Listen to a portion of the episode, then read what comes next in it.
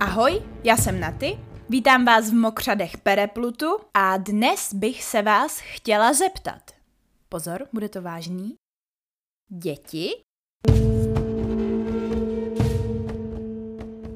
To jste asi úplně nečekali a teď nevíte, co odpovědět, ale možná se vám to v průběhu povídky trošičku vyjasní.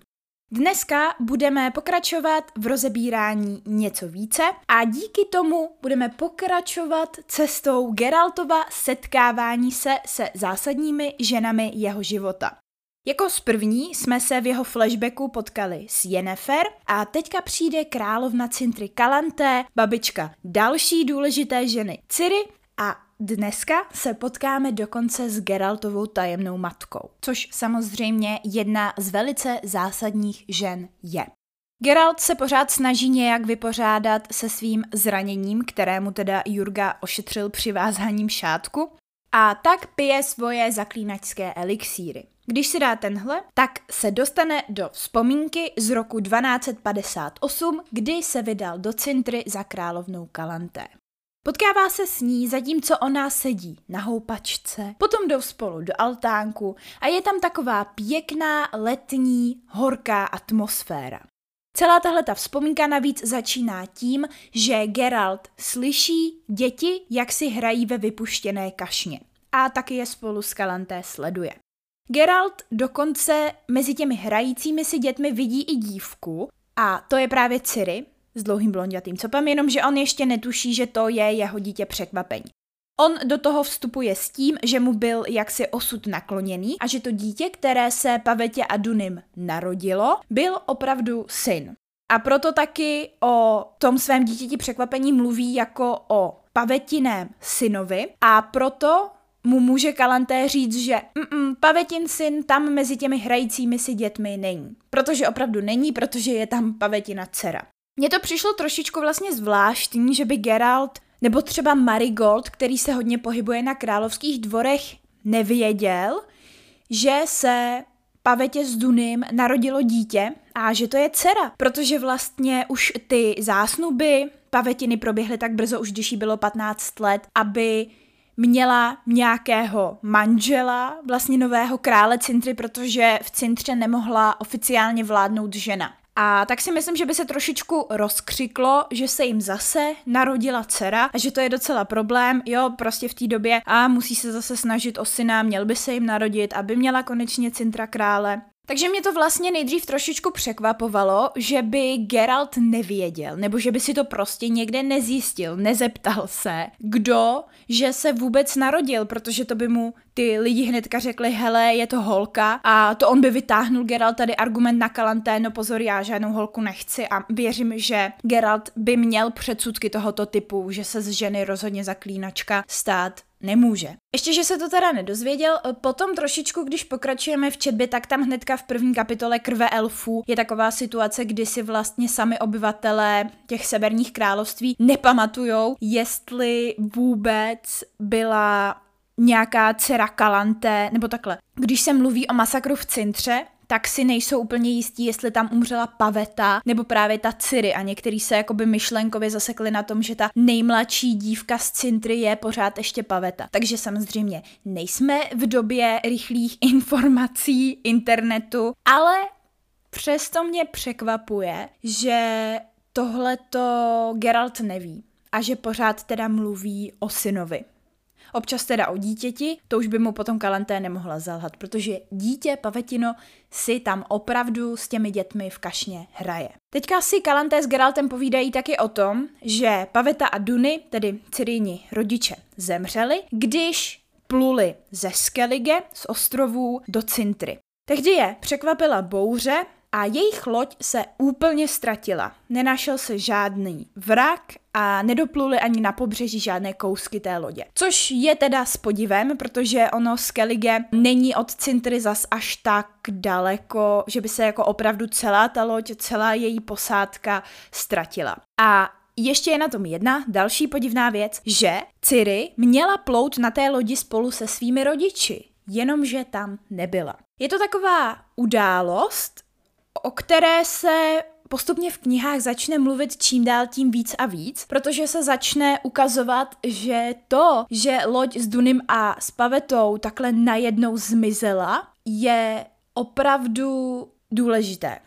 A já jsem taky nějakou dobu přemýšlela, kdy se vůbec Sapkovský rozhodl, že ten příběh povede tím směrem, kterým ho nakonec vede, tedy že se to nakonec tak nějak celý zbíhá vlastně do Nilfgaardu a k jeho císaři. A říkala jsem si, jestli si to jako nevymyslel až později, celou tamtu jako dějovou linku, ale je pravda, že možná už tady tím náznakem, že z té lodě nic nezbylo a že s nimi to dítě nebylo, je důležitou poznámkou, že o tom dobře věděl, když už ty povídky psal. Ale samozřejmě autor vlastně nikdy neví, jako když napíše prvních pár povídek, jestli bude pokračovat v pěti dalších románech. Toho si asi úplně vědom být nemusel, ale možná tam nějaká myšlenka, že smrt Pavety a Dunyho a postava Dunyho bude důležitá už byla při psaní těch povídek. Protože vlastně já jsem to zmiňovala už té povídce otázka ceny, že je tam takový ten hezký twist, že se tam hraje s tím eh, skutečným jménem člověka, vlastně tím, jak se odkazuje na třeba toho Rumpelcimpr Campra skrz dítě překvapení a že je vlastně dobrý, že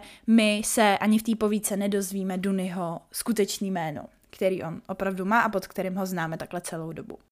Tady vlastně skrz tuhle tu historku o tom, že Paveta a Duny, kteří si byli souzení, protože Paveta byla Dunyho dítě překvapením, začne Kalante nahlodávat to Geraltovo rozhodnutí o tom, že osud neexistuje. Protože Kalante tady říká, že Paveta a Duny si byli souzeni až do úplného konce. A jak by potom člověk mohl nevěřit v sílu osudu? Že se do sebe zamilovali, i když tomu všichni bránili, vzali se a potom i společně zemřeli.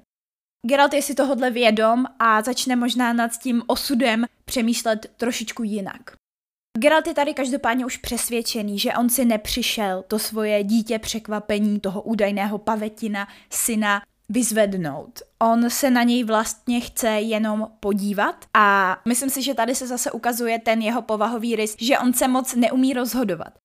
A on by moc dobře mohl říct Kalante, hele, já jsem se chtěla jenom prostě podívat, podívám se a pojedu domů, nikdy ti tvoje vnouče nevezmu. Jenomže on podle mě nechce udělat tohleto rozhodnutí. Možná se opravdu bojí toho osudu, protože my jsme si povídali v rámci povídky Meč osudu o tom, že proto, aby se ten váš osud vlastně naplnil, je potřeba se pro něj rozhodnout. A já si myslím, že to trošičku v Geraltovi se tak jako vaří v hlavě, že možná ten osud úplně odmítnout a přímo říct, ne, já to svoje dítě nechci, je dost nebezpečný a že to úplně nechce udělat. A tak chce po Kalante, aby ho prostě jenom poprosila, aby jí to dítě nebral, aby se rozplakala a řekla mu ne, prosím Geralte. A on by teda řekl, dobře Kalante, když si to tak strašně moc přeješ, tak já ti tvoje vnouče nevezmu.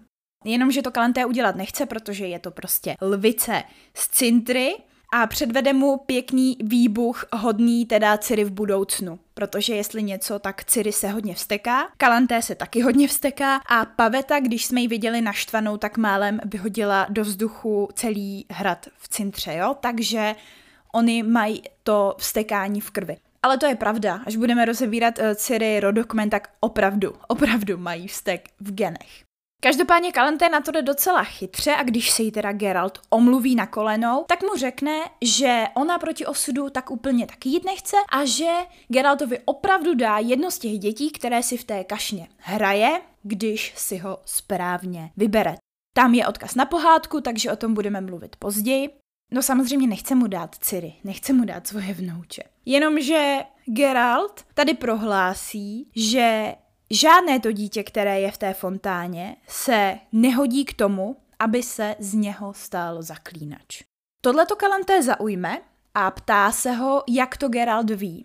Geralt to vlastně trošičku obrátí a řekne, že to spíš myslel naopak, že se na zaklínače hodí úplně každé dítě. Že si prostě nemůže vybrat to správný, protože je úplně jedno, který si vybere. Protože vlastně jako existuje ta premisa, že tím dobrým zaklínačem se může stát pouze dítě překvapení. A proto zaklínači chodí po světě a o ta děcka si říkají. Jenomže tady Geralt prozradí, že tomu tak není, že všechny ty příběhy o zákonu překvapení jsou vymyšlené a že je to vlastně vždycky jenom otázka náhody, kdo z těch dětí jednotlivé zkoušky přežije a kdo ne. A Kalanté tady zajímá, proč si vlastně zaklínači pořád ta děti překvapení přejí a pořád si o ně říkají. Jestli věří tomu, že dítě osudu projde zkouškami bez jakéhokoliv rizika, těmi zaklínačskými zkouškami.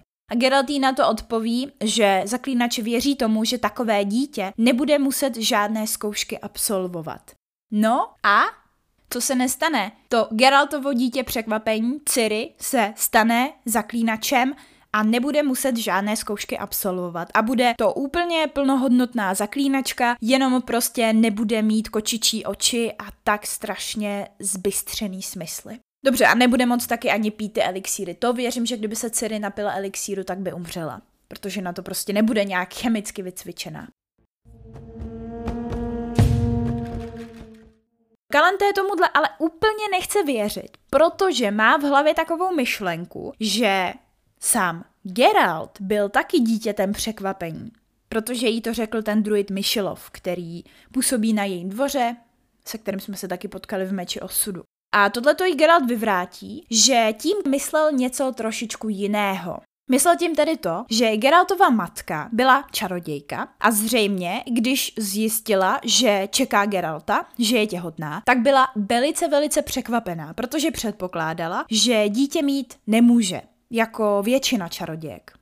A proto byl teda Geralt tím překvapením. A že tohle to zřejmě Myšilov ví, jenom si prostě vybírá ty historky a tu část pravdy, která se mu zrovna hodí. A tohle se taky Kalanté chytne, protože jí docela zajímá Geraltův život, on ho tak nenápadně vlastně balí. A tady se objevuje taková zase důležitá věc v těch knihách, Sapkovský velice často pronáší, a teď si myslím, že jako opravdu on sám, skrz ústa těch postav, různý statementy takových zásadních věcí a jedno z nich je právo žen na potrat. Protože když se tam o tomhle tomu mluví, tak je to vždycky dost důrazný, dost explicitní, nedá se to zaměnit s něčím jiným a ty postavy to říkají opravdu tak až jako heslovitě, by se dalo říct.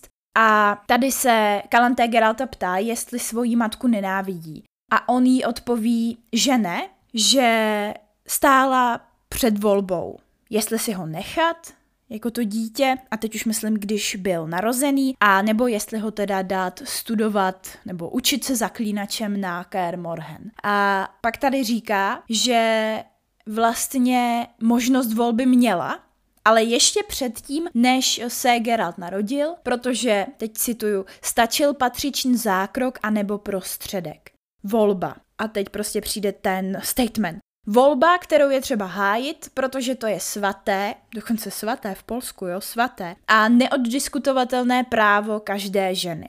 A mluví tady teda o tom, že se mohla rozhodnout tím patřičným zákrokem anebo prostředkem, protože my víme, že tyhle ty způsoby na kontinentu existují a některé ženy je využívají. Potom eh, je tam vlastně takový rozpor mezi tím barbarským severem, kde se čarodějkám zakazuje, aby prováděli ženám potrat a ten vlastně civilizovaný jich, teda Nilfgaard, kde můžou ženy běžně vlastně použít nějaké prostředky, když dítě mít nechtějí. O tom potom se mluví v dalších románech. A fakt to není jenom věc, kterou by rozvíjel Sapkovský tady na začátku v těch povídkách, ale je to v průběhu celých těch románů a potom i v té božkové sezóně, která vyšla v Polsku v roce 2012. Je tam hodně důrazná linka toho, že čarodějka, jejíž jméno vlastně uslyšíme tady v téhleté povídce, Litanejd zvaná Korál, která zemřela v bitvě Osoden.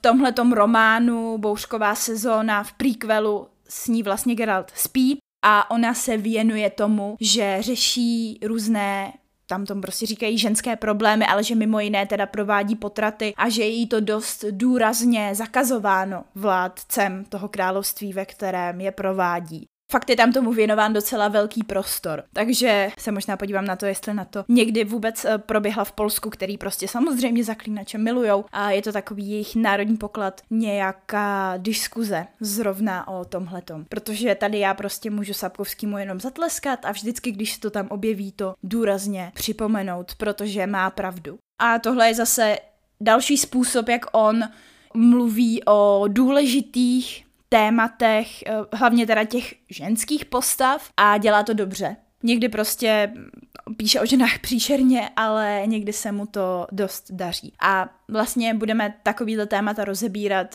dneska v dnešní epizodě víckrát. Tohle bylo to první.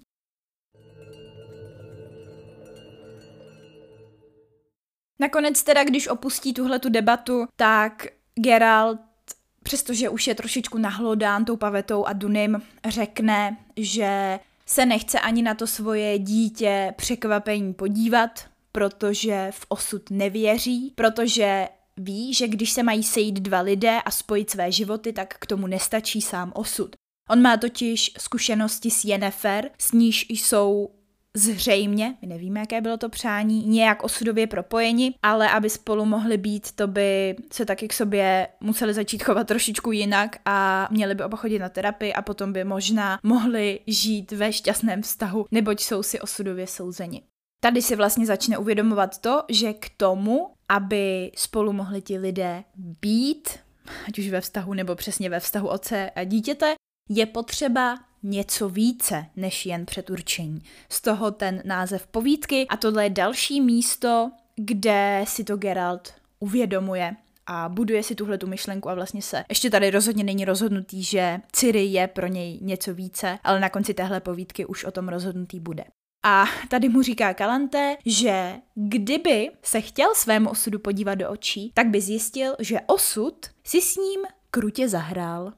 No ona to míní tak, že se narodila dcera a nikoli syn. Ale já doufám, že kdyby tam tehdy prostě Kalanté přivedla Geralta před Ciri a řekla, hm, tohle je tvoje dítě překvapení, tak by Geralt řekl, OK, tak jo, tak já ji stejně nechci. A nebo jo, to by bylo super, konečně budeme mít na Kaer Morhen nějakou ženskou, jinou než na čarodějku, kterou jsme si tam zrovna přivedli, protože s ní spíme.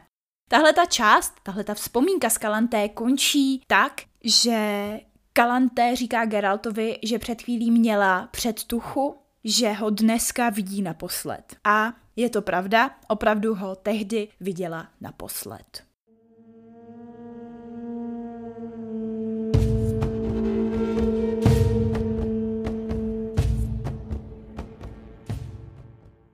O nějakou dobu později se Geralt probírá z téhleté vzpomínky a když se probere, tak už ho nebolí pokousaná noha, ale nemůže se pohnout. A tak se bojí, a to tak, že mu vklouzl do žaludku ohavný pocit strachu a zatěl své krahujčí spáry do jeho střev, že je ochrnutý.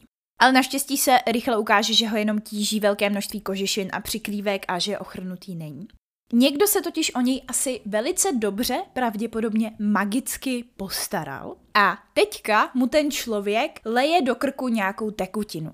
Geralt píše, že má jalovcovou příchuť a zmiňuje, že se jalovec stejně jako máta používá do magických lektvarů, aby zamaskovali skutečné složení toho lektvaru. I když před zaklínači se takovéhle zakrytí nedaří, protože Geralt má mimo čich a sluch a zrak zlepšenou i chuť, takže pozná, že se v tom lektvaru nachází ještě plicník a šalvěj.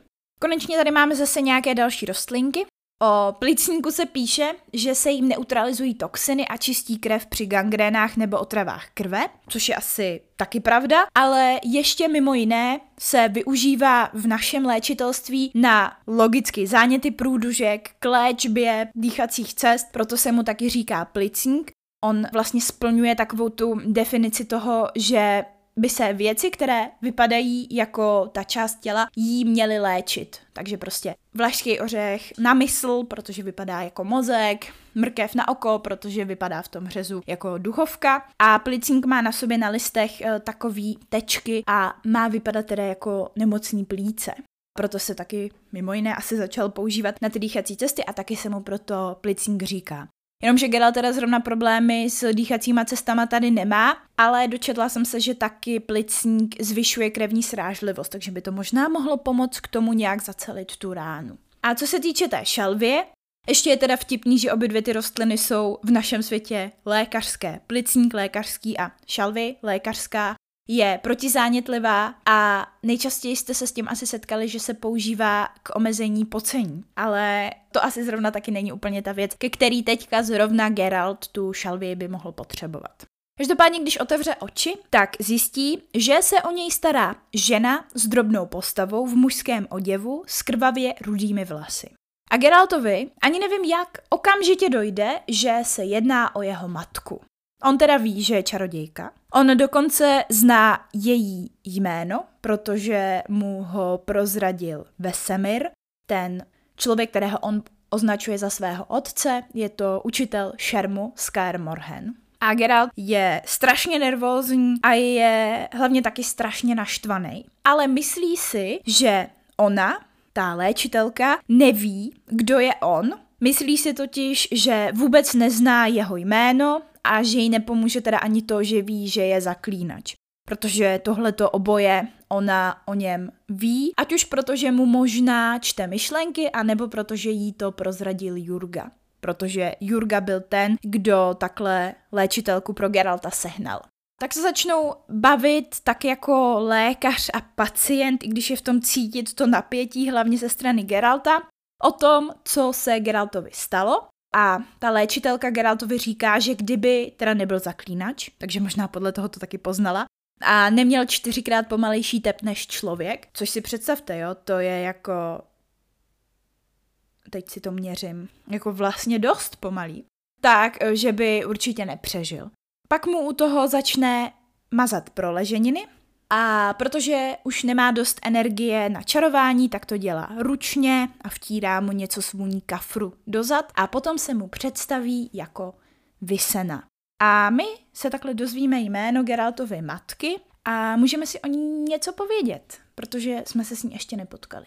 Vysena je jméno, které pravděpodobně vychází z polského slova pro jaro, což je viosna, ale dvojitým V, protože Poláci nemají jednoduchý V a takhle se to píše. Takže je to vlastně jenom takový vymyšlený jméno, který ale evokuje něco živýho, prostě jarního, něco, co je v rozpuku, něco, co roste, něco, co se rodí, což je vlastně docela vtipný v kontextu toho, že je teda čarodějka, který se, přestože nemělo a nebylo to pravděpodobné, narodilo dítě. Právě díky tomu, že je čarodějka, vypadá velice mladě a takže Geralt ani nemůže zjistit, kolik je jí let, ale my si to můžeme trošičku dopočítat, že jí bude možná tak 70, 80, protože ona má být údajně velice mladá v první povídce, ve které se s ní potkáme v cestě z níž není návratu, kdy se potká s pravděpodobným Geraltovým otcem a tam jí něco mezi 20 a 30 lety asi bude a Geraltovi je tady v téhle době asi 50 let. Ale ona je teda čarodějka, takže na ní nejsou žádné viditelné známky stárnutí. Ale je to s ní trošičku složitější než s těmi jinými čarodějkami. Ona je primárně léčitelka. Takových čarodějek, které se věnují léčení, několik je, ale není jich mnoho a vlastně se o nich mluví trošičku jako o takovém nedostatkovém zboží. Prostě dobrý člověk, který se umí věnovat magii i léčení, je samozřejmě na kontinentu hodně potřeba a jejich místo, protože jich není dost, taky začnou postupně nahrazovat různé bylinkářky a vlastně lidé, kteří začnou postupem času ovládat medicínu a schopnosti léčit i bez magie. Jenomže ona nevystudovala žádnou čarodějnou akademii. Pravděpodobně je tedy druidka. My se s Vysenou potkáme v povídce Cesta z níž není návratu, což je povídka, která je první otištěná v našem vydání posledního přání jako takový prolog, řekněme. Odhrává se tady asi nějakých 50 let před tím, než se odehrává děj většiny ságy o zaklínači. A ona se v téhleté povídce, kterou taky budeme někdy rozebírat, potkává s mužem, který se jmenuje Korin, což je takový modrooký, potulný bojovník, možná trošičku lapka, bych řekla, s hezkými zuby. to se tam v té povídce píše. A to je teda pravděpodobně muž, se kterým potom má Geralta. V téhleté povídce ona mluví o tom, Vysena, že pochází z kruhu, s velkým K. A Kruh se v zaklínači používá k označení společenstva druidů, takže z toho se usuzuje, že ona je právě druidka a že teda vlastně ovládla tu magickou moc jiným způsobem než většina čaroděje, které se jí naučí používat na akademiích. Vlastně je v tom trošičku rozdíl v tom, jestli používáte magii jako čarodějové, a nebo jestli ji používáte jako druidové. Každopádně ani v jednom z těch společenství se nějak zásadně nerozlišuje, jestli jste muž nebo žena. Bývá to tak 50 na 50, když se potom u čarodějek mluví o takzvané feminizaci oboru, že teda nakonec je víc čarodějek než čarodějů. To jsme teda odbočili od Vyseny, která jsem ještě chtěla zmínit, má rudé vlasy, dokonce teda, jak jsem říkala, krvavě, rudé, myslím, takže by se tady možná mohla tak ojdepovsky objevit Geraltova slabost pro zrzavé dámy, protože on má jako fakt rád a jedna z nich je třeba ta Lita Nate zvaná Korál, o které už jsem teďka mluvila jako té čarodějce z bouřkové sezóny. Otázkou samozřejmě je, jak to, že má Geralt matku, že zná její jméno, ona zná jeho, ale nikdy se neviděli a Geralt byl vychovávaný na Kaer Morhen mezi zaklínači už jako malý chlapec. Asi ještě dřív, než se tam většina těch chlapců dostane běžně. Existuje na to několik teorií. Hodně se o tom začalo diskutovat po tom, co se Vysena objevila v seriálu od Netflixu, v té první sérii. Protože my víme i z téhleté povídky, že to ona dala Geraltovi jeho jméno, Geralt, a že ho nějakou dobu vychovávala. Dejme tomu rok až dva, tak aby si Geraltu výchovu nepamatoval, ale aby s ním prostě nějaký čas strávila. A až potom ho odevzdala Vesemirovi a ten ho teda dál na Kaer Morhen vychovával. Já, když jsem to vlastně četla, tak jsem nijak nepřemýšlela úplně nad tím, proč se to stalo. Já jsem si to dala do kontextu s tou povídkou Cesta z níž není návratu, což je ale povídka, která není přeložená do angličtiny, takže potom hodně diváků, který znali jenom ten seriál, vlastně vůbec neměli tenhle ten kontext toho, že Vysena je potulná druidka, potulná léčitelka, pomáhá lidem na různých místech, prostě není někde usazená, že se takhle jenom random seznámila s Korinem a my nevíme, jak jejich osud pokračoval a je dost dobře možný, že spolu prostě jenom počali dítě a potom se rozešli nebo prostě Korin třeba umřel. Takže ona vlastně byla matka samoživitelka na cestách, jo, což pro ní mohlo být velice těžký a tak se prostě rozhodla, že Geralta odevzdá na to Kaer Morhen nějak jsem nad tím úplně víc nepřemýšlela, protože si prostě myslím, že tohle je taky jako další věc, o který se prostě rozhodnout mohla obzvlášť v té jakoby středověké době. Tohle je teda jako jedna z těch teorií, že ho prostě nedokázala vychovat sama a věděla, že jí to nepůjde a tak se rozhodla tímhletím stylem, protože prostě vlastně žádnou jinou možnost neměla. Pak jsem teda našla takhle další teorii, která je blbě, kterou jsme si rozmluvili už teďka, že byl sám Geralt nějakým tím dítětem překvapení.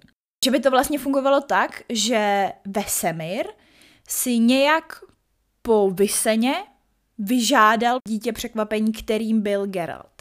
Ono to totiž trošičku jako indikuje ten seriál, když se na to podíváte, tak to vypadá jako kdyby byl Vesemir s mm, Vysenou domluvený ale jako vůbec by mě to nenapadlo a navíc se v téhle povídce mluví o tom, že Geralt byl jakýmsi dítětem překvapením, ale že překvapení bylo to, že byl vůbec počatý a nikoli v to, že si ho někdo ze zaklínačů, třeba ten Vesemir, jako přáli.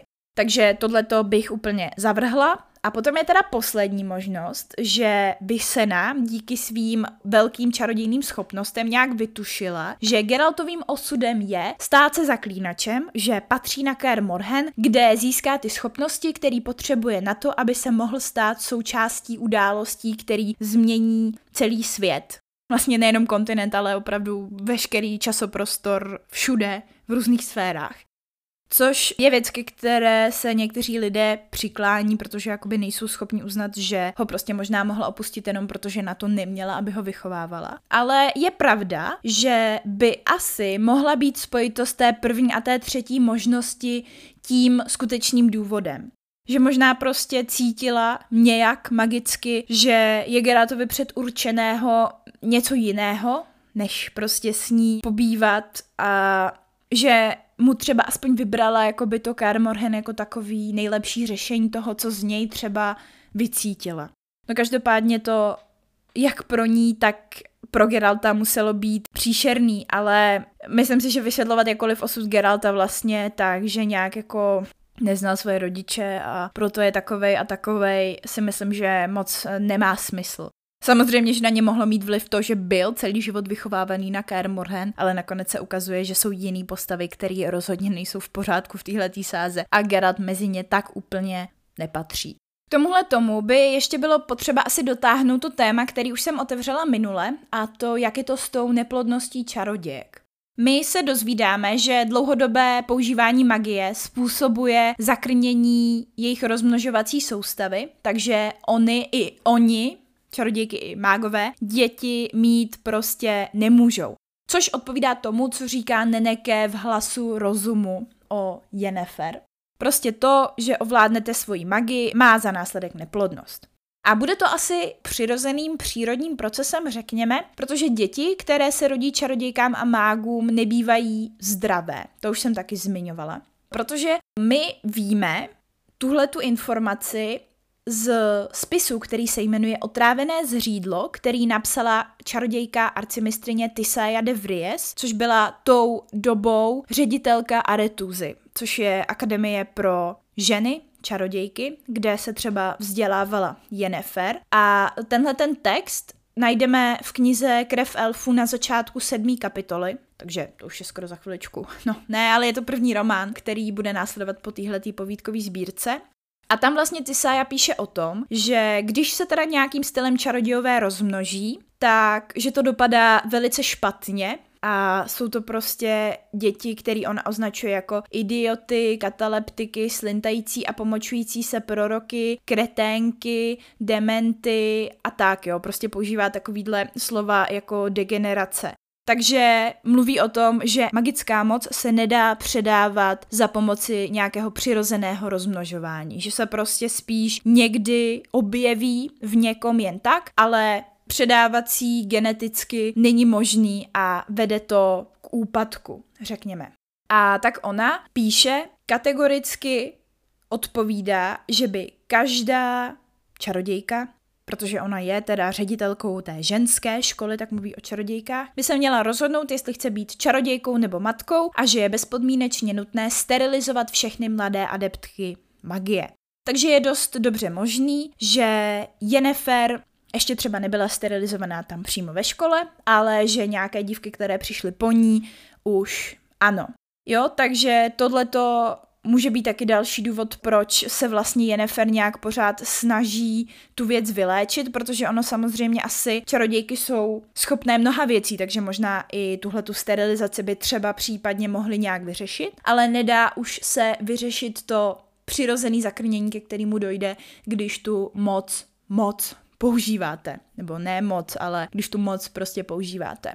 Je to taková věc, ke který úplně nemáme jako přímo odpovědi, jestli se to někdy zavedlo, tahle ta sterilizace nucená, jestli se to někdy třeba vyléčí, nebo se to někdy dít přestane, ale máme jenom takových velice málo náznaků. Ale prostě, jak už jsem říkala, ten seriál to zobrazuje úplně dementně, protože kdyby to takhle bylo, kdyby to bylo z rozhodnutí každý čarodějky, tak potom je jasný, že vyčítat si to a snažit se to vzít zpátky je prostě blbý. Měli jste se rozhodnout jednou, ale tady ty čarodějky ani mágové za to vlastně nemůžou. Už to ani není tak, že když tu moc mají, tak ji nemohou ovládat. Oni vlastně prostě ovládat musí. Prostě se jim to nějak stalo a teď s tím musí žít, že se jim to stalo. Že se prostě nemůžou rozmnožovat. No a ještě tady je vlastně hezký, že ten spis, mm, to otrávené zřídlo, který má teda jako hodně působivý název, píše ta Tisája jako reakci na něco, o čem se mluvilo na konventu v Cidaris. A teď mluví o tom, že by teda měly být adeptky sterilizované. A mně se líbí, že ti čarodějové, čarodějky, vystupují jako taková vědecká obec, prostě jako nositel pokroku a že třeba přesně mají konventy na různá témata, takže třeba tady v tomhle případě na téma neplodnosti či plodnosti čarodějů a čarodějek. Jako taková odpověď na otázku, proč mohla Vysena otěhotnět, je asi nejzákladnější ta, že prostě byla tou výjimkou potvrzující pravidlo, to se nedá říct nějak jinak, a že taky byla vlastně velice mladá, když Korina potkala mezi nějakými těmi 20 až 30 lety, takže třeba ještě tím, že nepoužívala tu magii tak dlouho, tak otěhotnět mohla. A rozhodně víme, že nestudovala na žádné akademii, ale zřejmě teda v nějakém druidském kruhu, takže nemohla být sterilizovaná. Geralt je na Vysenu, což se na něj my nemůžeme zlobit, opravdu hodně naštvaný. A když se ukáže, že ona ví, že on je její syn, a on to ví od začátku, že ona je jeho matka, tak se jí ptá na takový nepříjemné věci, jestli si uvědomuje, co se třeba děje na Kermorhen s očima zaklínačů, aby vypadali a chovali se tak, jak se chovají teďka oči Geraltovi. A chce jí těma svýma otázkama vlastně vydeptat, že ho opustila Což jako na to má naprosto právo, jenom celá ta situace je extrémně nepříjemná a bolestivá jak pro ní, tak pro něj. A vy se do toho očividně úplně nechce pouštět. Já se jí tady nechci zastávat a nechci se zastávat ani Geralt. Oba dva mají naprostou pravdu, prostě vy se se nějak rozhodla, že něco udělá a kdyby to neudělala, tak nečteme tyhle ty knihy. A Geralt má teďka plný právo být prostě naštvaný, že mu sebrala tuhle tu příležitost žít se svýma rodičema, nebo možná třeba jenom s ní, třeba už byl Corin mrtvej. A tak vy se udělá jenom jednu takovou věc, že Geraltovi řekne, že to jméno mu nedal Vesemir, jak si Geralt myslí, ale že mu ho dala ona. I proto vlastně jako by hnedka věděla, že je to on. A aby ta situace toho nepříjemná a toho fakt jako hlubokého smutku, který se z toho dá dobře vycítit i pro nás jako pro čtenáře, nepokračovala, a Geralt jí pořád prostě říká o tom, jak až ho uvidí ráno za denního světla, jak se jí zeptá na další otázky, na které ona nebude znát odpověď, protože ho prostě nezná, protože ho nevychovávala, tak vy se na Geralta uspí, vezme mu paměť a asi mu nějak navodí myšlenku, aby ji už nikdy nehledal. Je tam taky jedna taková hezká věta, jedna z mých nejoblíbenějších vět, kterých je mnoho ze zaklínače, kdy vypravěč píše Ne, řekla něžně, tiše, sametovým hlasem, který nekompromisně stíral poklady paměti, paměti, která již neexistovala, která nikdy neexistovala, ale přece jen byla. No, není to krásný. Já ty větě vlastně jakoby nerozumím, nebo rozumím tomu, že mu vlastně nějakým smyslem tu paměť bere, tu paměť, která už jakoby není, protože ona mu ji bere, ale přece jen byla. Ta paměť nikdy neexistovala, ale přece jenom byla. Nikdy se stala, ta událost se někdy stala, ale už ji jakoby nemáme v té paměti. Teda v té paměti, kterou mu ona teďka bere, to je taky taková esence toho prostě, o čem Sapkovský píše, jak ty věci jsou a najednou nejsou. a takhle se teda stane, že Geralt usíná a když se probudí, tak už netouží potom, aby si se svojí matkou dál povídal, ona už tam taky dokonce není. Není to tak, že by zapomněl na tu situaci, že se potkali, nebo že ho někdo léčil, ale prostě úplně se to vlastně jako v jeho hlavě utne a my už o ní nikdy neuslyšíme v celých dalších románech. Je to prostě konec, vyřešená situace. Nevíme jako nic, nikdy tohle to nějak Sapkovský nerozvinul, jak to třeba s Vysenou dopadlo a tak. Geralt s Jurgou pokračují v cestě k Jurgovi domů až za řeku Jarugu a prochází společně částí země, tedy tím z dolního do horního Sodenu, který je ale víc na jich. Mm, tím Sodenem, který byl ve válce s Nilfgaardiany s takzvanými černými, protože nosí černé uniformy, hodně poničený, ale lidi to tam zase osidlují, jak to tak bývá. Prostě válka přejde a zase se začne žít. A tady Jurga zase ukazuje tu svoji krásnou pragmatičnost a to, proč ho mám jako postavu strašně ráda. Například říká, že ti, co byli ve válce zabiti, schní v zemi a nakonec si zase zúrodní. Že na polích se nedá orat, protože je tam velké množství kostí a železa, ale země si poradí i s železem. No, s malým množstvím je železa jo, ale když už do ní naházíme tolik železa jako my, tak, tak ne, no. A když se ho Geralt ptá, tak mu Jurga přizná, že se bojí toho, že se Nilfgaardiané zase objeví. Ale je prostě třeba žít a co se má stát, to se stane. A tak si společně povídají o té válce, která prošla Sodenem. Baví se taky o bitvě, kterou už jsem zmiňovala, o druhé bitvě o Sodenu a my si o nich, o obou, budeme povídat v příští epizodě, kde si pořádně rozebereme celou první severní válku. A to už je z dnešní epizody všechno. Doufám, že se vám epizoda líbila. Kdyby vás zajímaly nějaké další informace nebo ilustrace, tak se běžte podívat na můj Instagramový profil v Mokřadech Pereplutu. Budu se na vás těšit tam i tady u té další epizody.